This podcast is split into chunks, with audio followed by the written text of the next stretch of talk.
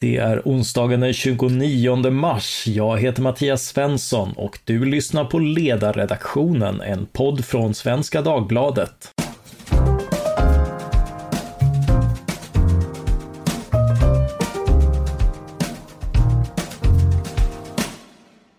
Dagens ämne är bostadspolitik. Jag tänker i det här programmet gå igenom allt du behöver veta om bostadspolitik. Det är nämligen titeln på en nyutkommen bok författad av Fredrik Kopps som är chefsekonom på tankesmedjan Timbro när han inte levererar mat som cykelbud. Välkommen! Tack så mycket! Hur känns det att vara tillbaka på ditt vanliga kontorsjobb? Eh, det känns ganska vemodigt. Det var rätt trevligt att vara ute och, och, och cykla faktiskt. Eh, få frisk luft. Eh, jag gick ner ett och ett halvt kilo. Så många positiva saker. Ja, eh, vi ska inte gå in för mycket för det, men det kanske inte har umgått någon som har haft sociala medier att du alltså testade gigjobb som eh, cykelbud. Eh, och eh, den här boken hade release här om veckan. Eh, du tycker inte att du har ställt den i medieskugga med ditt cyklande? Jo, det råkade nog kanske bli lite så, för just, just den dagen som jag hade lanseringen, det var ju förra onsdagen, för, ja, men för en vecka sedan, så tror jag kan ha varit den mest hektiska dagen som jag haft i mitt, mitt yrkesliv. Jag hade först ett panelsamtal på Svenskt Näringsliv om, om klimat och eh, miljö och frihandel. Sen cyklade jag för, för Foodora i ett antal timmar. Sen var jag med i Studio 1. Eh, och sen hade jag boklansering och efter det var jag med i Aktuellt. Så det, det blev... Eh, jag hann inte med så mycket mer än just lanseringen och dessvärre inte så mycket mingel. Det var i alla fall en rejäl arbetsdag får man ju ändå säga. Ja, precis. Mm. Eh, en poäng du gör i boken är att vi borde vara mer upprörda än vi är över bostadspolitikens resultat. Att den kanske finns i för mycket mediaskugga även normalt sett och borde vara viktigare. Vad är det som är fel och borde vara uppe till diskussion om vi börjar där? Ja, så det finns en del saker, men man skulle kunna börja med att eh, eh, liksom den poängen som jag försöker göra, och det är nog i, i förordet i boken, är att svenskar har blivit institutionaliserade i hur eh, bostadsmarknaden ser ut. Jag har en anekdot där i början av boken där jag pratade för ett eh, internationellt eh, i internationellt sammanhang för en grupp ungdomar från alla nordiska länder inklusive Tyskland. Och när jag visade en bild på hur kötiderna ser ut för att få en hyreslägenhet i Stockholm så var alla internationella deltagare eh, alldeles förskräckta och undrade hur, hur kan politikerna få sitta kvar eh, när det ser ut så här. Eh, och då har vi alltså en situation i Sverige där, där politiker har fått avgå för att man har, har föreslagit att ändra på systemet som gör att, att det ser ut så här och, och inte tvärtom. Men det finns ju en mängd olika saker som, som, eh, som är problematiska. Den, liksom, den tydligaste är väl kanske den svenska hyresmarknaden där liksom, hyresregleringen gör att, att det tar eh, flera decennier att få, få hyreslägenheter i, i Stockholm och uppåt liksom ett decennium i, i andra städer också. Eh, det är ju ett stort problem. Ett annat stort problem är att, att eh, kommuner har ganska mycket att säga till om när det kommer till, eh, till markanvändning. Vad som får byggas och var det får byggas. Senast nu för, för några veckor sedan så, så presenterades hur byggplanerna ser ut för året i olika Stockholms kommuner och i, på Lidingö så kommer man inte bygga en enda bostad i år till exempel. Oh, ja. jag, jag bor där och jag känner till problemet. Jag tillhör minoriteten som tycker att det är det är bra om det byggs. Ja, och det där, men det ser man ju i varenda... Jag bor ju i, i Lunds kommun och här har vi ju också ett politiskt parti som eh, deras liksom, huvudsyfte är ju att försöka förhindra bebyggelse och det finns ju nästan alla kommuner eh, ett, sånt, ett sånt parti i liksom varierande storlek. Ja, om vi, om vi börjar med hyresmarknaden, hur, hur sätts hyror idag och vad är problemet med det? Ja, alltså hyrorna sätts ju på, på ett antal olika sätt. Men om man liksom börjar med eh, det som är mest intressant är väl kanske hur de sätts för de flesta existerande eh, bostäderna. Och då finns det något som heter bruksvärdessystemet eh, som säger att hyran för en lägenhet ska, ska vara eh, samma som hyran för en annan lägenhet med motsvarande bruksvärde. Och med bruksvärde så menar man eh, kvalitet på liksom lägenheten eh, invändigt. Det kan vara ytskikt, eh, antal kvadratmeter och antal rum och så vidare. Men man menar också eh, till viss del geografiskt läge. Det blir bara väldigt svårt att, att mäta det där för bruksvärdet ska ju eh, på centralt håll bestämmas eh, vad det ska vara och liksom vilken hyra som ska gälla. Så det finns ingen, eh, det finns ingen stark marknadskoppling till eh, och då framförallt hur läge ska, ska värderas i, eh, i hyressättningen. Så det gör att hyrorna, du kan hitta en lägenhet i centrala Stockholm som kostar lika mycket att hyra som en lägenhet i, i säg Södertälje eller i Flen eller var som helst i landet. Eh, och det är ett jättestort problem. Eh, så där har vi liksom ett system, bruksvärdessystemet, eh, eller då egentligen hyresförhandlings, eller hyreslagen, eh, jordabalkens tolfte kapitel, eh, som bestämmer nivån på hyror. Men, men, men är inte det bra att... Eh... Say hello to a new era of mental health care. Cerebral is here to help you achieve your mental wellness goals with professional therapy and medication management support. 100% online. You'll experience the all new Cerebral Way, an innovative approach to mental wellness designed around you. You'll get a personalized treatment plan from a therapist, prescriber, or both in a safe and judgment free space. Your cerebral therapist or prescriber will outline a customized plan with clear milestones along the way so you can get to feeling your best. With Cerebral, you're not alone in your mental health journey. We're here to empower you to live a fulfilling life. So take that first step towards a brighter future and sign up today at cerebral.com slash podcast and use code ACasts to get 15% off your first month. Offer only valid on monthly plans. Other exclusions may apply. Offer ends July 31st, 2024. See site for details.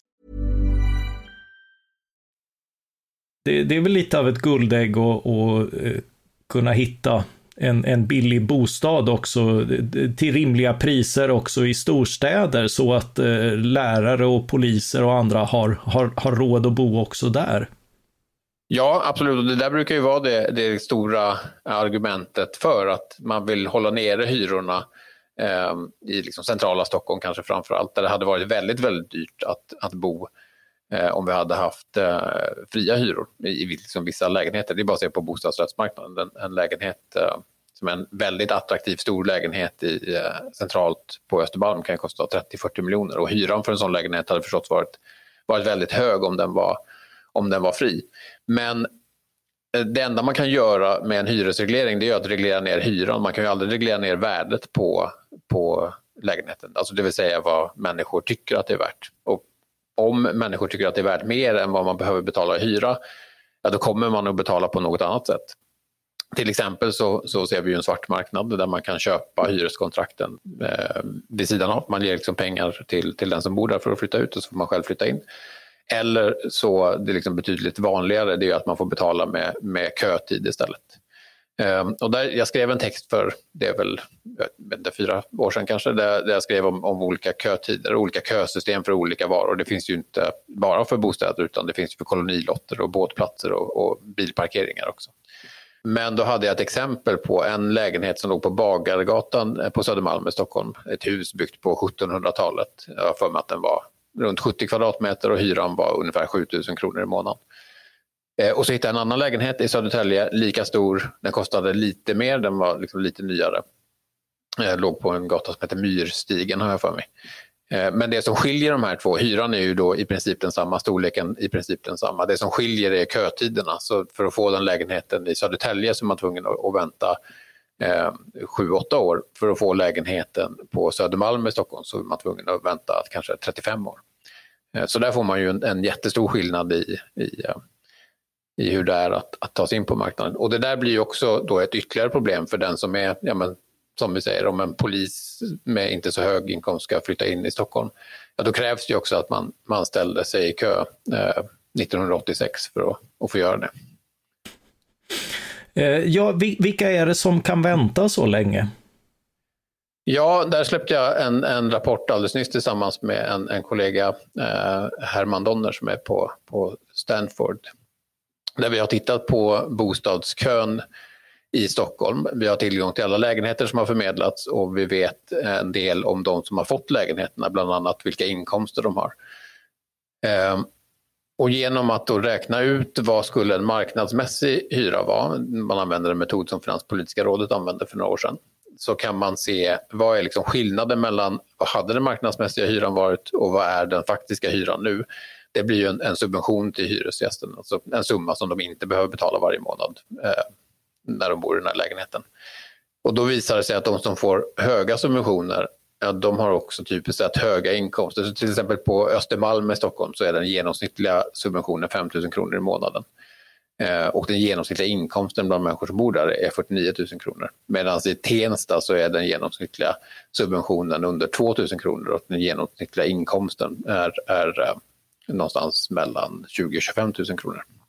Hur, hur, kommer det sig att det, att det är rika människor som flyttar in i, i lägenheter som, som de flesta borde ha råd med eh, genom att det är långa köer? Hur funkar det? Ja, där finns det ju en del olika förklaringar. En, en förklaring kan vara att de, de liksom absolut mest subventionerade lägenheterna, det, det kan vara, eh, ja, men som jag sa alldeles nyss, men en liksom våning på Östermalm som på bostadsrättsmarknaden skulle kosta 40 miljoner kronor. Hyran för en sån är kanske, vad kan det vara, 17 000 kronor, 20 000 kronor.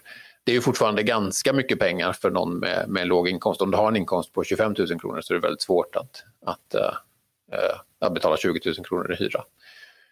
Eh, så det är liksom en förklaring. De här är fortfarande relativt dyra men de är ju väldigt mycket billigare än vad de hade varit på en fri marknad.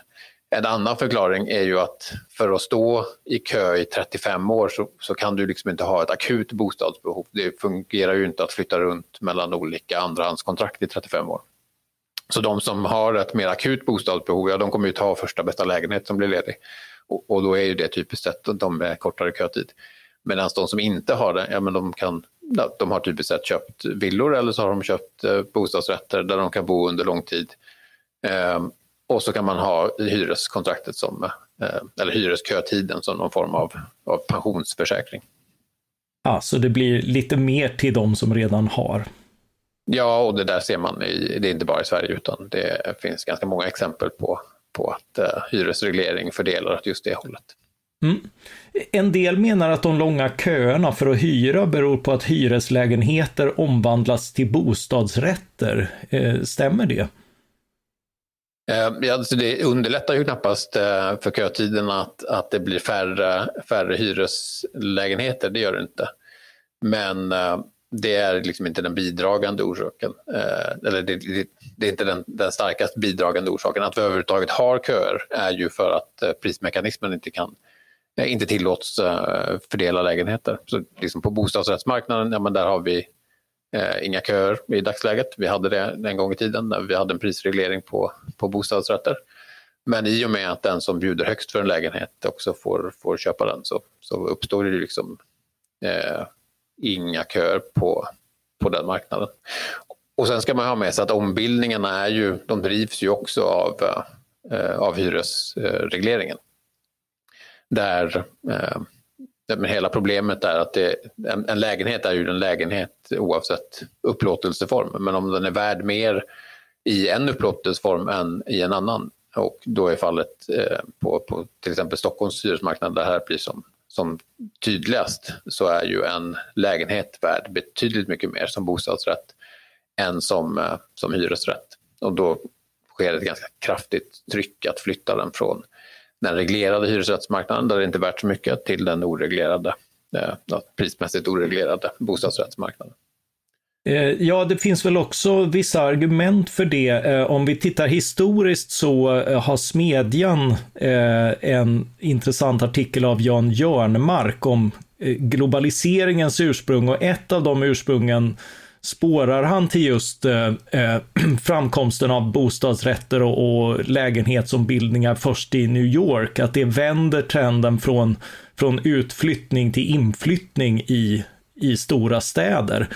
Eh, kan, kan man, eh, instämmer du med den analysen och ser man något liknande i Sverige? Ja, och Jan Jörmark har visat det i, i Sverige också, där man, eh, det sammanfaller väldigt väl Många tror ju, om man skulle fråga människor hur de tror att befolkningsmängden i centrala Stockholm har utvecklats de senaste hundra åren så skulle de flesta gissa att, att det, är liksom, det har stigit hela tiden. Eh, men det har det inte, utan det steg fram från liksom mitten av 1800-talet när det liksom tog fart på riktigt fram till ungefär 1940. Och därefter så sjönk befolkningen i, i centrala Stockholm. Och det är först i alltså 1980-1990-tal som vi har kommit ikapp igen. Och Jan Jörmark gör ju den poängen att eh, orsaken är att vi inför hyresreglering 1940, det sammanfaller ju väldigt väl. Eh, det gör att människor slutar flytta, det är liksom det tydliga som vi ser på, på den svenska hyresmarknaden. De som kommer över hyreskontrakt, ja, de flyttar inte längre. Eh, för att man behöver inte göra det, du kan bo i en väldigt stor lägenhet, den kostar inte så mycket. Eh, så att man anpassar liksom inte bostadsytan efter, eh, efter vad man egentligen har råd med. Ehm, så vad man såg från 1940-talet, och då var det ju mer extremt, det, det var ju att eh, befolkningen åldras kraftigt i centrala Stockholm eh, i takt med att liksom barn flyttar hemifrån. Och när barn flyttar hemifrån så finns det ju inga lägenheter i centrala Stockholm så de får flytta till förorterna. Eh, och sen så dör liksom den ena partnern och, och så blir det det man brukade kalla för änkefrälset på, på Östermalm. Eh, som satt i, Eh, i sina stora hyresrätter med, med kraftigt subventionerade hyror. Eh, men sen har ju det vänt i, i, i och med att man införde en fri marknad på, eh, på just bostadsrätter och att vi har haft massiva ombildningar. Det är ju flera hundratusentals lägenheter som ombildats i, i bara centrala Stockholm. Så så har vi fått en liksom marknadsmekanism som gör att man hushåller bättre med, med, med bostadsytan. Och då har vi sett en, en föryngring. Så just de där sammanfaller ju Eh, väldigt väl. Sen finns det ju förstås andra förklaringar också, men det sammanfaller ju också med till exempel bilismen som gör att man, man har flyttat längre ut från städerna. Men eh, hyresregleringen är definitivt en, eh, en bidragande förklaring till det där. Eh, om, om vi går till eh, marknaden för hus och bostadsrättigheter, eh, fin, finns det några liknande systemfel där? För det är ju ändå väldigt dyrt och, och, jag tänker på just den här extrema värdeutvecklingen på senare år. Eh, och, och, finns det någon annan marknad där ekonomijournalister med självklarhet tycker att det är bra när det blir dyrare? Ja, alltså jag tror att man, man får också särhålla lite grann. Så priserna har ju stigit mycket, det har de gjort. Men eh, det är ju inte nödvändigtvis så att boendekostnaderna har stigit väldigt mycket. För priserna har ju stigit mycket till stor del för att räntorna har, har sjunkit över tid. Så när mm. räntorna sjunker så kan du liksom med precis samma boendekostnad ha ett högre lån och så kan du betala mer för, eh, för, för din bostad. Men det finns ju mängder med problem eh, även på, på de här marknaderna. Eh, och, en, och den är ju liksom gemensam för egentligen hela bostadsmarknaden, inklusive hyresrätter. Att det är um, svårt att bygga nytt. I, eh, alltså, framförallt i områden där, där det redan bor människor. Som vi pratade om inledningsvis så finns det i alla kommuner något parti som motsätter sig det där för att det finns en sån efterfrågan politiskt. Människor tenderar att vara emot bebyggelse där de, där de själva bor för att ny bebyggelse tar i anspråk eh, grönområden, det blir liksom trängre, eh, trafiksituationen förvärras. Det har väl också en direkt koppling till värdet på bostaden. Finns det fler, finns det ett ökat utbud så, så minskar efterfrågan på, på just min bostad och alltså bostadsvärdet. Ja, precis. Så det är ganska många. Och alla de här aspekterna, alltså färre grönområden påverkar ju också i, i mm. sig eh, värdet på bostaden. Så det är väl det människor är oroliga för. Eh, tid, så, så det blir ju för dyrt för den som vill in nu och tidigare har ju staten subventionerat byggandet av bostäder. Eh, är inte det ett sätt som, eh, som gör att man kan se till att fler kan bo till kostnader de har råd med? Jo, det har man ju försökt på massa olika sätt. Det absolut eh, mest kända exemplet i en svensk kontext är ju miljonprogrammet som, eh, som är Eh, jag tycker det är superintressant och jag, jag, läste bara, det är inte med i, i, min bok dessvärre för att jag läste det för bara någon månad sedan, hur, hur man bestämde var man skulle bygga bostäder under miljonprogrammet. Och det, det är en, en, historia som är värd att, att ta upp. För innan har jag läst om liksom hur man finansierade och då var det liksom i stora delar pensionskapital som man, man tryckte in i bostadssektorn för att bygga en miljon bostäder. Eh, men jag har aldrig riktigt haft någon förståelse för hur man bestämde var man skulle bygga saker. Ehm, men så sprang jag på en text och det var Jan Jörmark som tipsade om, om den. Eh, en liksom anekdotisk berättelse av hur det kunde gå till. Och då, då fanns det på alla länsstyrelser i Sverige en särskild eh, styrelse som röstade om eh, befolkningsprognoser. Alltså man gjorde inte faktiska beräkningar av liksom, det här förväntar vi oss, så här många kommer födas, så här många kommer dö och så här många kommer flytta in och ut. Utan man, man, eh, kommunerna fick ta fram ett, eget underlag och så röstade man i de här styrelserna. Um, och då var det till exempel så att uh, Centerpartiet satt med som liksom representanter och de har ju alltid varit eh, för landsbygden så då sa de att nej men ni har underskattat hur många människor som kommer vilja bo på landsbygden så vi tycker att vi ska liksom öka upp de siffrorna. Um, och så var det så att i liksom summan av de här omröstningarna av befolkningsprognoser i mitten på 60-talet gjorde gällande att Sverige skulle ha en befolkning eh, i storleksordningen 13,5 miljoner 1980. Oh. Eh, vi var 8 miljoner 1980. Eh, och sen så byggde man ju, eh, byggde man ju bostäder eh, på basis av de här liksom prognoserna som man hade röstat fram. Och det har ju gjort att eh, vi har byggt bostäder i liksom Filipstad och Hultsfred, det är sådana kända exempel på kommuner som idag dras med rejält stora problem eh, Eh, för att deras bostadsmarknad har varit sedan 60-talet alldeles för, för stor. Och vad som har hänt är att det har fyllts på med människor som har eh, väldigt svag koppling till, till den svenska arbetsmarknaden. Eh, som gör att de här, alltså de kommunerna dras med, med väldigt stora problem. Men det är ju liksom ett, det är ett sånt extremfall av subventioner. Vi har haft andra subventioner som har varit mindre i omfattning. Den senaste som, som försvann nu vid, vid årsskiftet, eh, investeringsstöden för, för billigare hyres, hyresrätter. Eh, det finns ju väldigt få utvärderingar av dem. Den enda som finns, som är gjord av, av eh, konsultbolaget eh, Evidens, Eh, visar att de som flyttar in i de här lägenheterna som då har, har lägre hyror eh, än vad de annars hade haft, eh, de skiljer sig inte från människor som flyttar in i andra nyproducerade hyresrätter. Så det är människor med höga inkomster som får de här subventionerna också. Ja, så det är, det är samma problem igen. Eh, hur kan det offentliga hjälpa de som inte har råd med eget boende och få tak över huvudet ändå? Kvinnor som lämnat en våldsam man till exempel. Ja, alltså jag, där tycker jag att eh, det offentliga kan ju, det finns ju bra saker som det offentliga kan göra. Jag marknaden är bra på väldigt, eh, väldigt mycket. Jag har en väldigt stark tilltro till att marknaden löser det mesta. Men marknaden är ju väldigt dålig på, på att omfördela resurser från, eh, från marknadsutfallet. Ja, men det, är liksom inte, det är inte marknadens uppgift, men det är det offentligas uppgift. Och där tycker jag ju att i princip all eh, bostadspolitik ska, ska riktas in på det. I Sverige har vi kommunala bostadsbolag som äger, eh, det är uppåt liksom 50 procent av, eh, av den svenska hyresmarknaden ägs eh, av, eh, av, av kommuner eller av det offentliga. Men det finns ingen uh, ansats till att, att använda det där bostadsbeståndet på ett sätt som hjälper just de som behöver hjälp, utan där har liksom alla har samma uh, villkor att flytta in i, i, i, kommunala bostäder. Man skulle ju istället då kunna göra som andra länder där man sätter upp ett krav på eh, för att flytta in i en offentligt ägd bostad så får du inte tjäna över en viss summa. Så då ger man ju liksom en förtur till människor som har det svårt.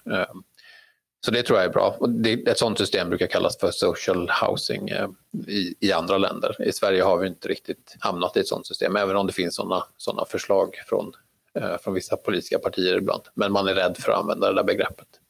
Sen finns det ju bostadsbidrag som, som ett annat sätt. Eh, och jag tror ju egentligen att en, en, kombination av de där två är bra att rikta in sig på. Båda har ju liksom sina för respektive nackdelar. Ja, jag tänker på alltså många, eh, det, det, blir ju, eh, samlas det inte, eh, precis som det har gjorts i, i, i exempelvis de här miljonprogramsområdena som blivit över, ett, ett visst klientel som eh, ja, socialt utslagna eller långt från arbetsmarknaden, nyanlända och liknande, som att det blir en, ett område som det är svårt att ta sig ifrån. Ja, precis. Och där, det beror ju på hur man då hur man designar det här systemet. Så jag skulle säga att det sämsta sättet att göra det på det är att ta ett väldigt stort och isolerat bostadsområde och säga att här får, får bara fattiga bo. Du måste tjäna under en viss, eh, en viss eh, uh, summa för att få flytta in i det här området. Uh, men istället så skulle man kunna göra som i Tyskland har man testat till exempel att ha, um, man bygger om du bygger ett nytt hus med tio lägenheter så ska en av dem vara, vara liksom, uh, för, för ett hushåll med, med lägre inkomst. Och då får du ju en blandning liksom i, i ett hus. Sen har det sina konsekvenser. Jag läste för några år sedan att eh, en av konsekvenserna av det här systemet var att man bygger hus med nio lägenheter istället för tio. Så behöver man inte hyra ut ja, tröskelvärde. Ja, precis.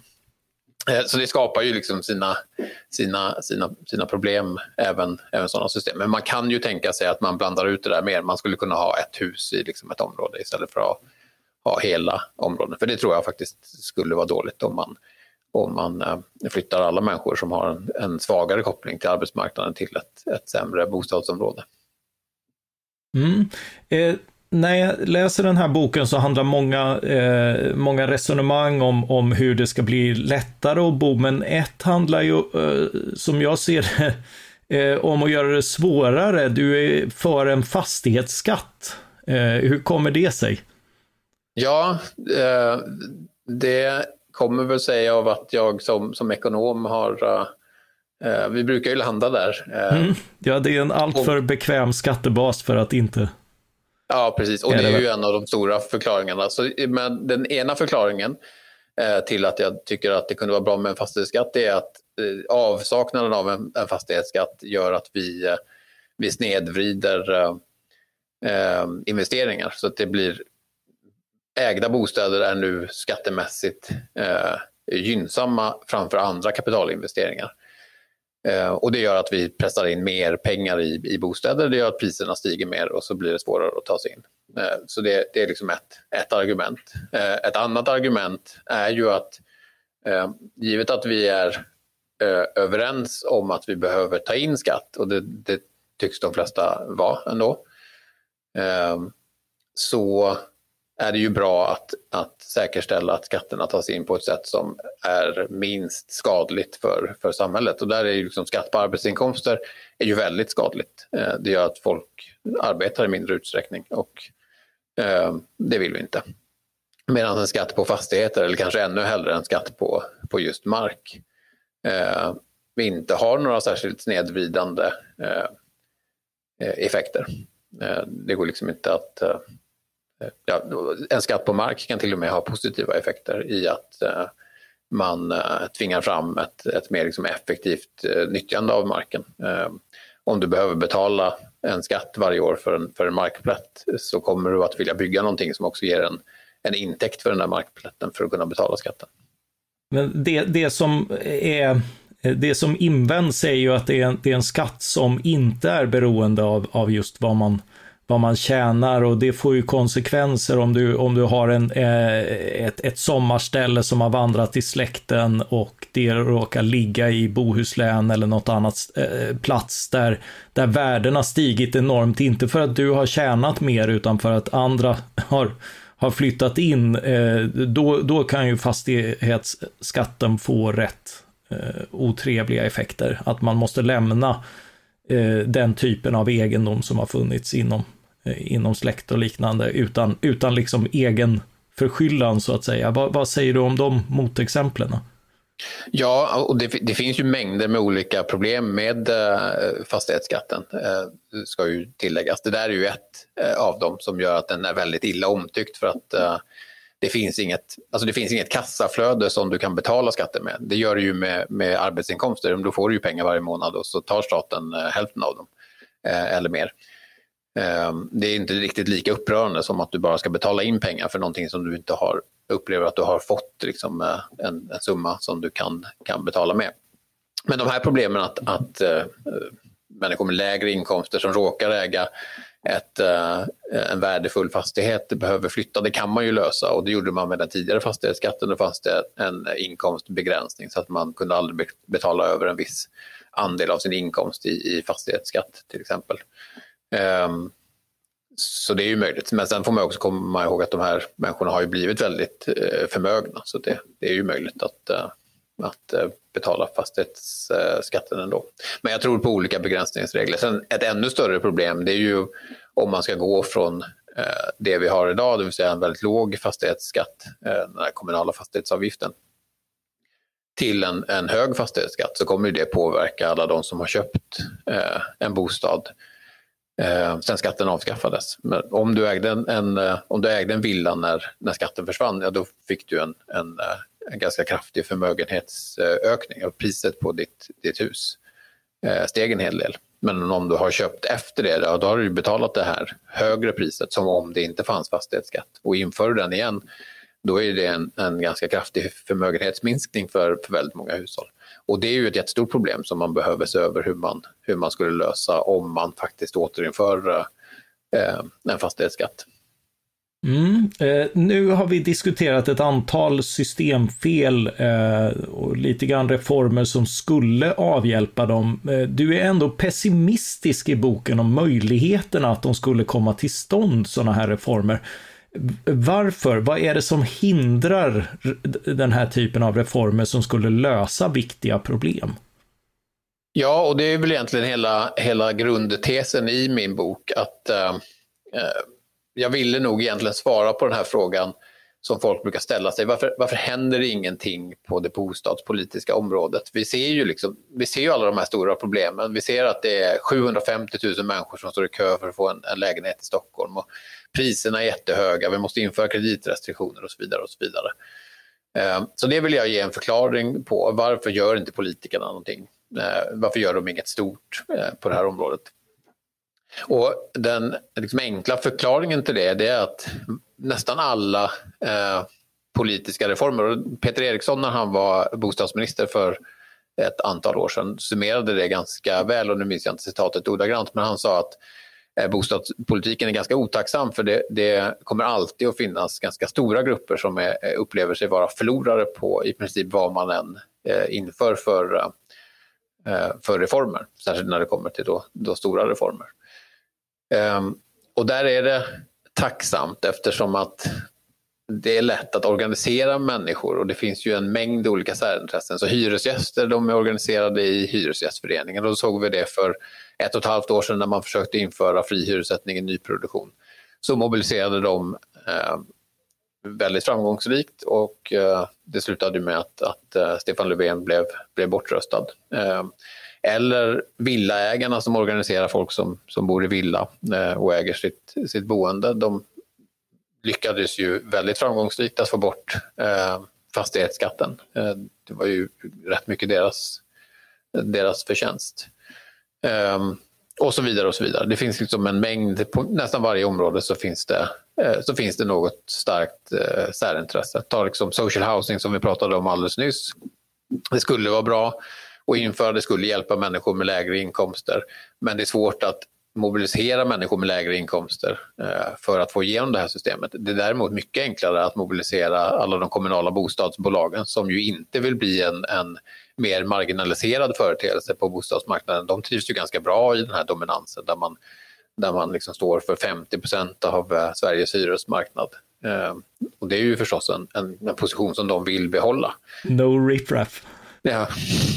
Eh, så det är jättesvårt. Men alla de här särintressena kommer att kämpa för att eh, göra det bättre för sina egna eh, medlemmar och medlemsorganisationer. Och i många fall så, så innebär det att man behåller liksom, eh, eh nuvarande eh, system. Och då kan man inte förvänta sig några större förändringar. Man kan bara förvänta sig små, små förändringar i de liksom, nuvarande systemen. Eh, ja, det, det, låter ju lite nedslående, men är, är, det inte också så att eh, det artikuleras ett, eh, ett allmänintresse, eller åtminstone medlemmarnas intresse i de här or, organisationerna? Och genom att vara stora och omfattande träffar inte hyggligt rätt ändå i det korporativa Sverige när när, när alla hyresgäster ändå har en företrädare vid, vid förhandlingsbordet till exempel. Ja, sen, jag är inte övertygad om att de företräder just eh, hyresgästerna. Jag tror att de företräder ju framförallt den egna organisationen. Det var tydligt för några år sedan. När var det? Jo, men det var när man förhandlade januariavtalet. Då finns det ett citat som jag tror att jag har med i, bo i boken också från en hyresförhandlare eh, för, för Hyresgästföreningen. Det året så blev, blev hyreshöjningarna eh, historiskt höga. De låg ganska nära 2 procent. De var liksom 1,7 procent. Normalt sett så ligger de en bit eh, under 1 procent eh, per år. Eh, och då förklarade han, jag vet inte om han bara försa sig, men han sa att hyresfrågan var uppe till förhandling i, i liksom regeringsfrågan och då ville man visa att systemet fungerar ganska väl så slipper man, slipper man sådana eventuella förändringar. och där är det ju liksom tydligt att ja, men, Hyresgästföreningen de vill behålla det nuvarande eh, Eh, systemet för att det innebär en hel del intäkter för dem. Vi har hyresförhandlingslagen som ger dem rätt att förhandla hyrorna för nästan alla hyresrätter i Sverige. För det får de en ersättning som är 12 kronor per, per månad och lägenhet. Eh, summerar man det så är det 212 miljoner kronor per, per år som de får in i, i hyresförhandlingsavgift. Eh, så det, det, är ju eh, det är väldigt, väldigt, stora resurser som de är intresserade av att, av att försvara. Och det är också svårt att säga att alla hyresgäster skulle vinna på det nuvarande systemet.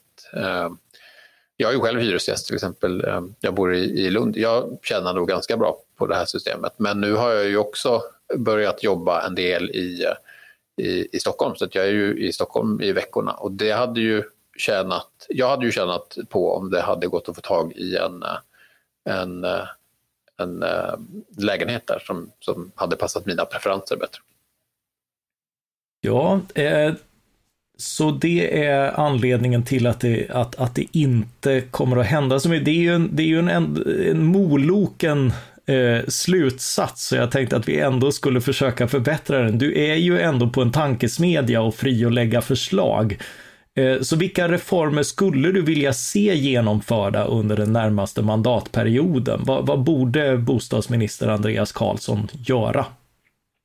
Ja, eh, jag skrev en eh, debattartikel precis innan jul där jag hade tre förslag som jag, som jag vill, vill stå fast vid. Och då är ju det första är att se till att vi får fri hyressättning eh, för lägenheter. Och där ska man vara realistisk så, så tror jag att det liksom första steget det är att ta den här utredningen som presenterades för snart två år sedan och remittera den och se till att vi får fri hyressättning för bara nyproducerade lägenheter. Det tror jag är viktigt. Just nu så faller produktionen av bostäder väldigt kraftigt i Sverige så det är bra att införa alla, alla typer av, av, eh, av system som underlättar det där och fri hyressättning i nyproduktion är ett. Eh, och det är också ett bra första steg för att införa det här i hela beståndet. Då slipper vi bostadsköer, vi slipper svarthandel, vi slipper ombildningar eh, och alla andra liksom problem som vi dras med på, på hyresmarknaden. En, en, en, en, uppenbar fundering där, skulle inte det bli en väldigt radikal omställning för de som, Eh, för de som bor nu till subventionerade, Precis som med, med fastighetsskatten med, med värden som anpassat sig, fast här är det pengar som ska ut i hyra. Blir det så stora hyreshöjningar som till exempel Hyresgästföreningen varnat för i, i, inför valrörelser och liknande? Är, är det vad som kommer att hända då? Ja, alltså det kan det absolut bli i vissa områden. Jag tror till exempel i Stockholms innerstad, där, där skulle man nog se väldigt kraftiga hyreshöjningar. Eh, det skulle inte förvåna mig om man, alltså i enskilda fall så kan nog få tredubblade hyror. Jag såg någon eh, när jag satt och kollade på den här sidan lägenhetsbyte nyligen och då, då fanns det en, ett av de här små liksom, röda fina husen ute på Djurgården som är de är, det är ju som att bo på Skansen. Liksom. Det är, supergulligt och idylliskt. Det kostar 4 000 kronor i månaden. Jag har svårt att se att det inte skulle kunna kosta 12 000 kronor i månaden att bo där. Jag, menar, jag hade betalat 12 000 kronor för att bo där. Jag hade kunnat betala 15 000 kronor för att bo i sån där, eh, ute på Djurgården. Liksom.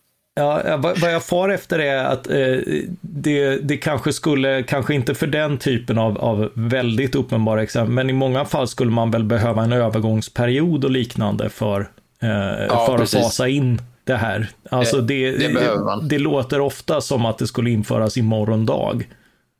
Ja, precis. Jag skrev en annan bok för, eh, det är väl fyra år sedan, som heter En hyresmarknad i kris, där jag hade ett, ett lagförslag på hur, den, hur en ny hyreslag skulle kunna se ut.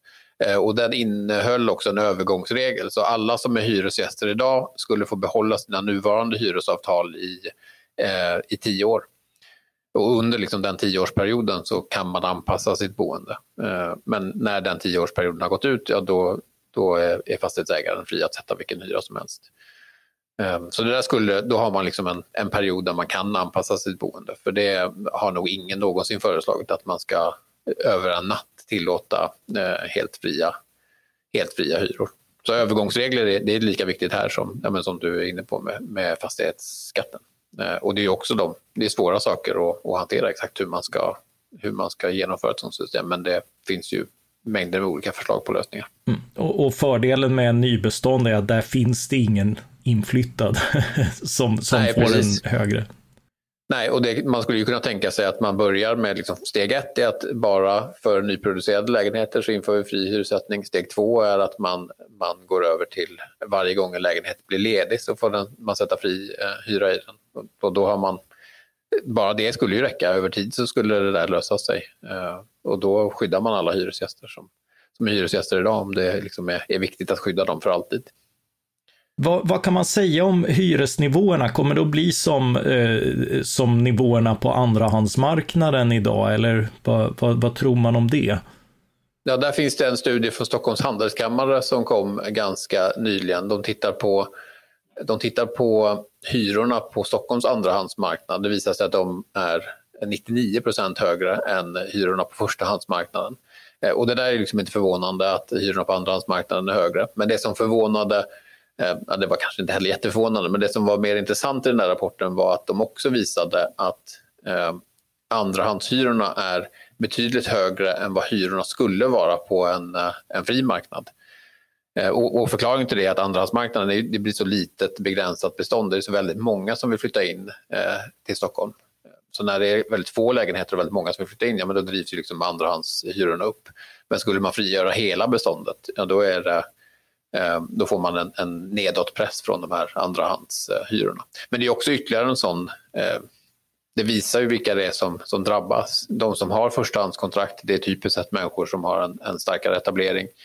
Eh, dels på arbetsmarknaden men även i samhället i, i stort de betalar väldigt låga hyror medan de som inte har en, en, anknytning till arbetsmarknaden eller samhället i stort, de tvingas in på andrahandsmarknaden för att betala hyror som överstiger vad de hade gjort på, på en fri marknad. Så de har, liksom, de har det sämre än vad de hade haft. Så, så de är lurade både på en hyra som hade varit lägre för dem och en väntetid för att få fast boende?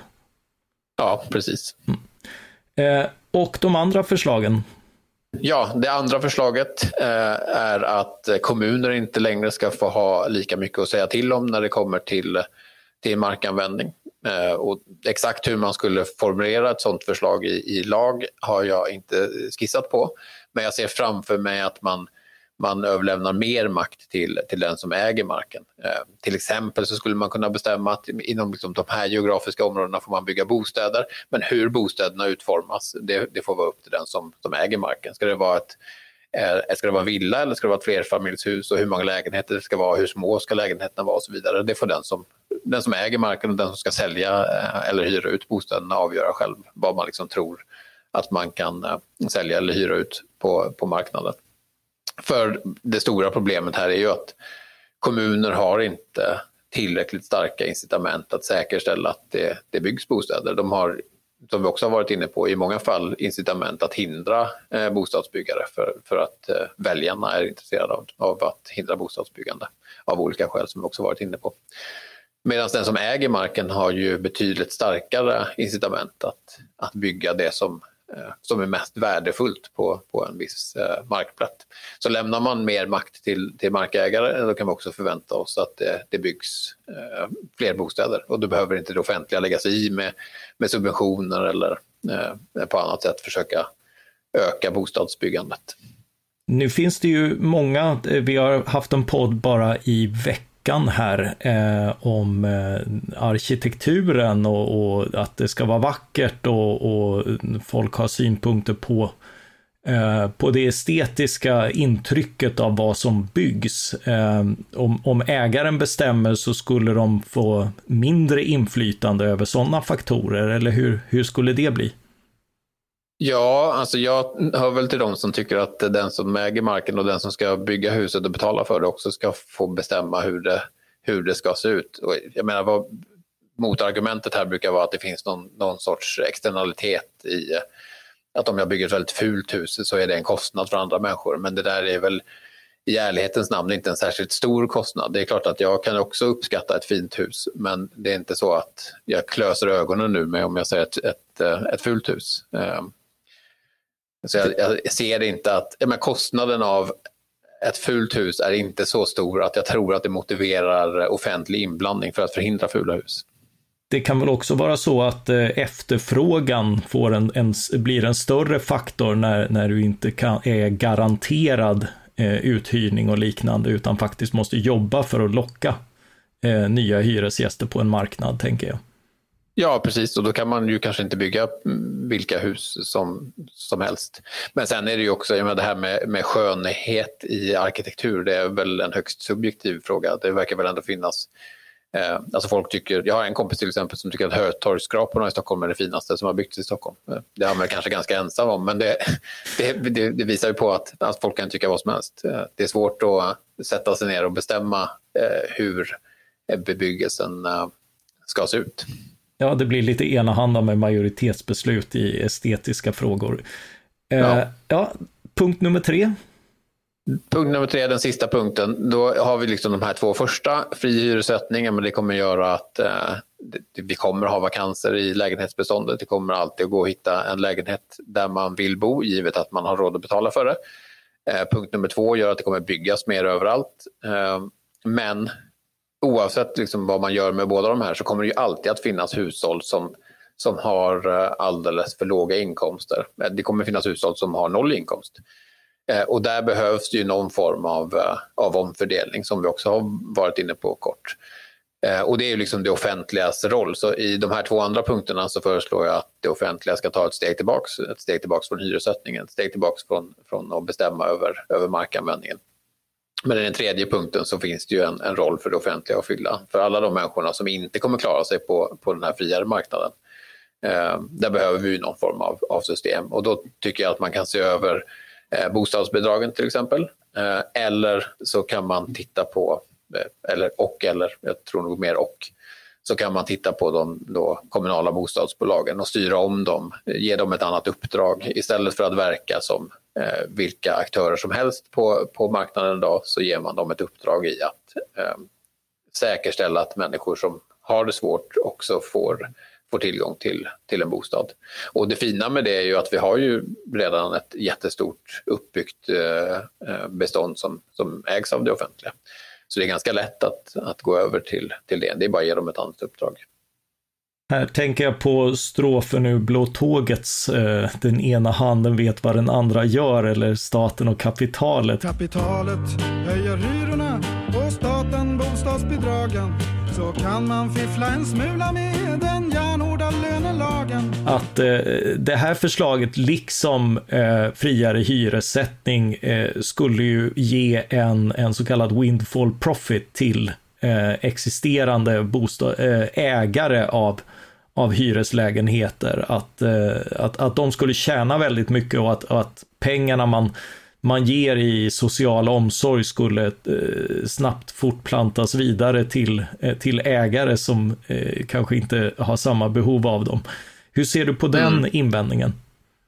Jo, och, det där är ju ytterligare en sån övergångsregel som, som jag tycker är, är viktig. Om man går från dagens reglerade hyror till fria hyror så, så innebär ju det, som du säger, att fastighetsägare kommer att tjäna väldigt mycket pengar. Deras förmögenhet kommer att stiga väldigt mycket och det är ju ganska oförtjänt, men de har inte gjort någonting för att förtjäna den där. De har bara haft tur att lagstiftningen ändras. Ehm, så där är det ju inte orimligt att, eh, att beskatta den här ehm, värdeökningen.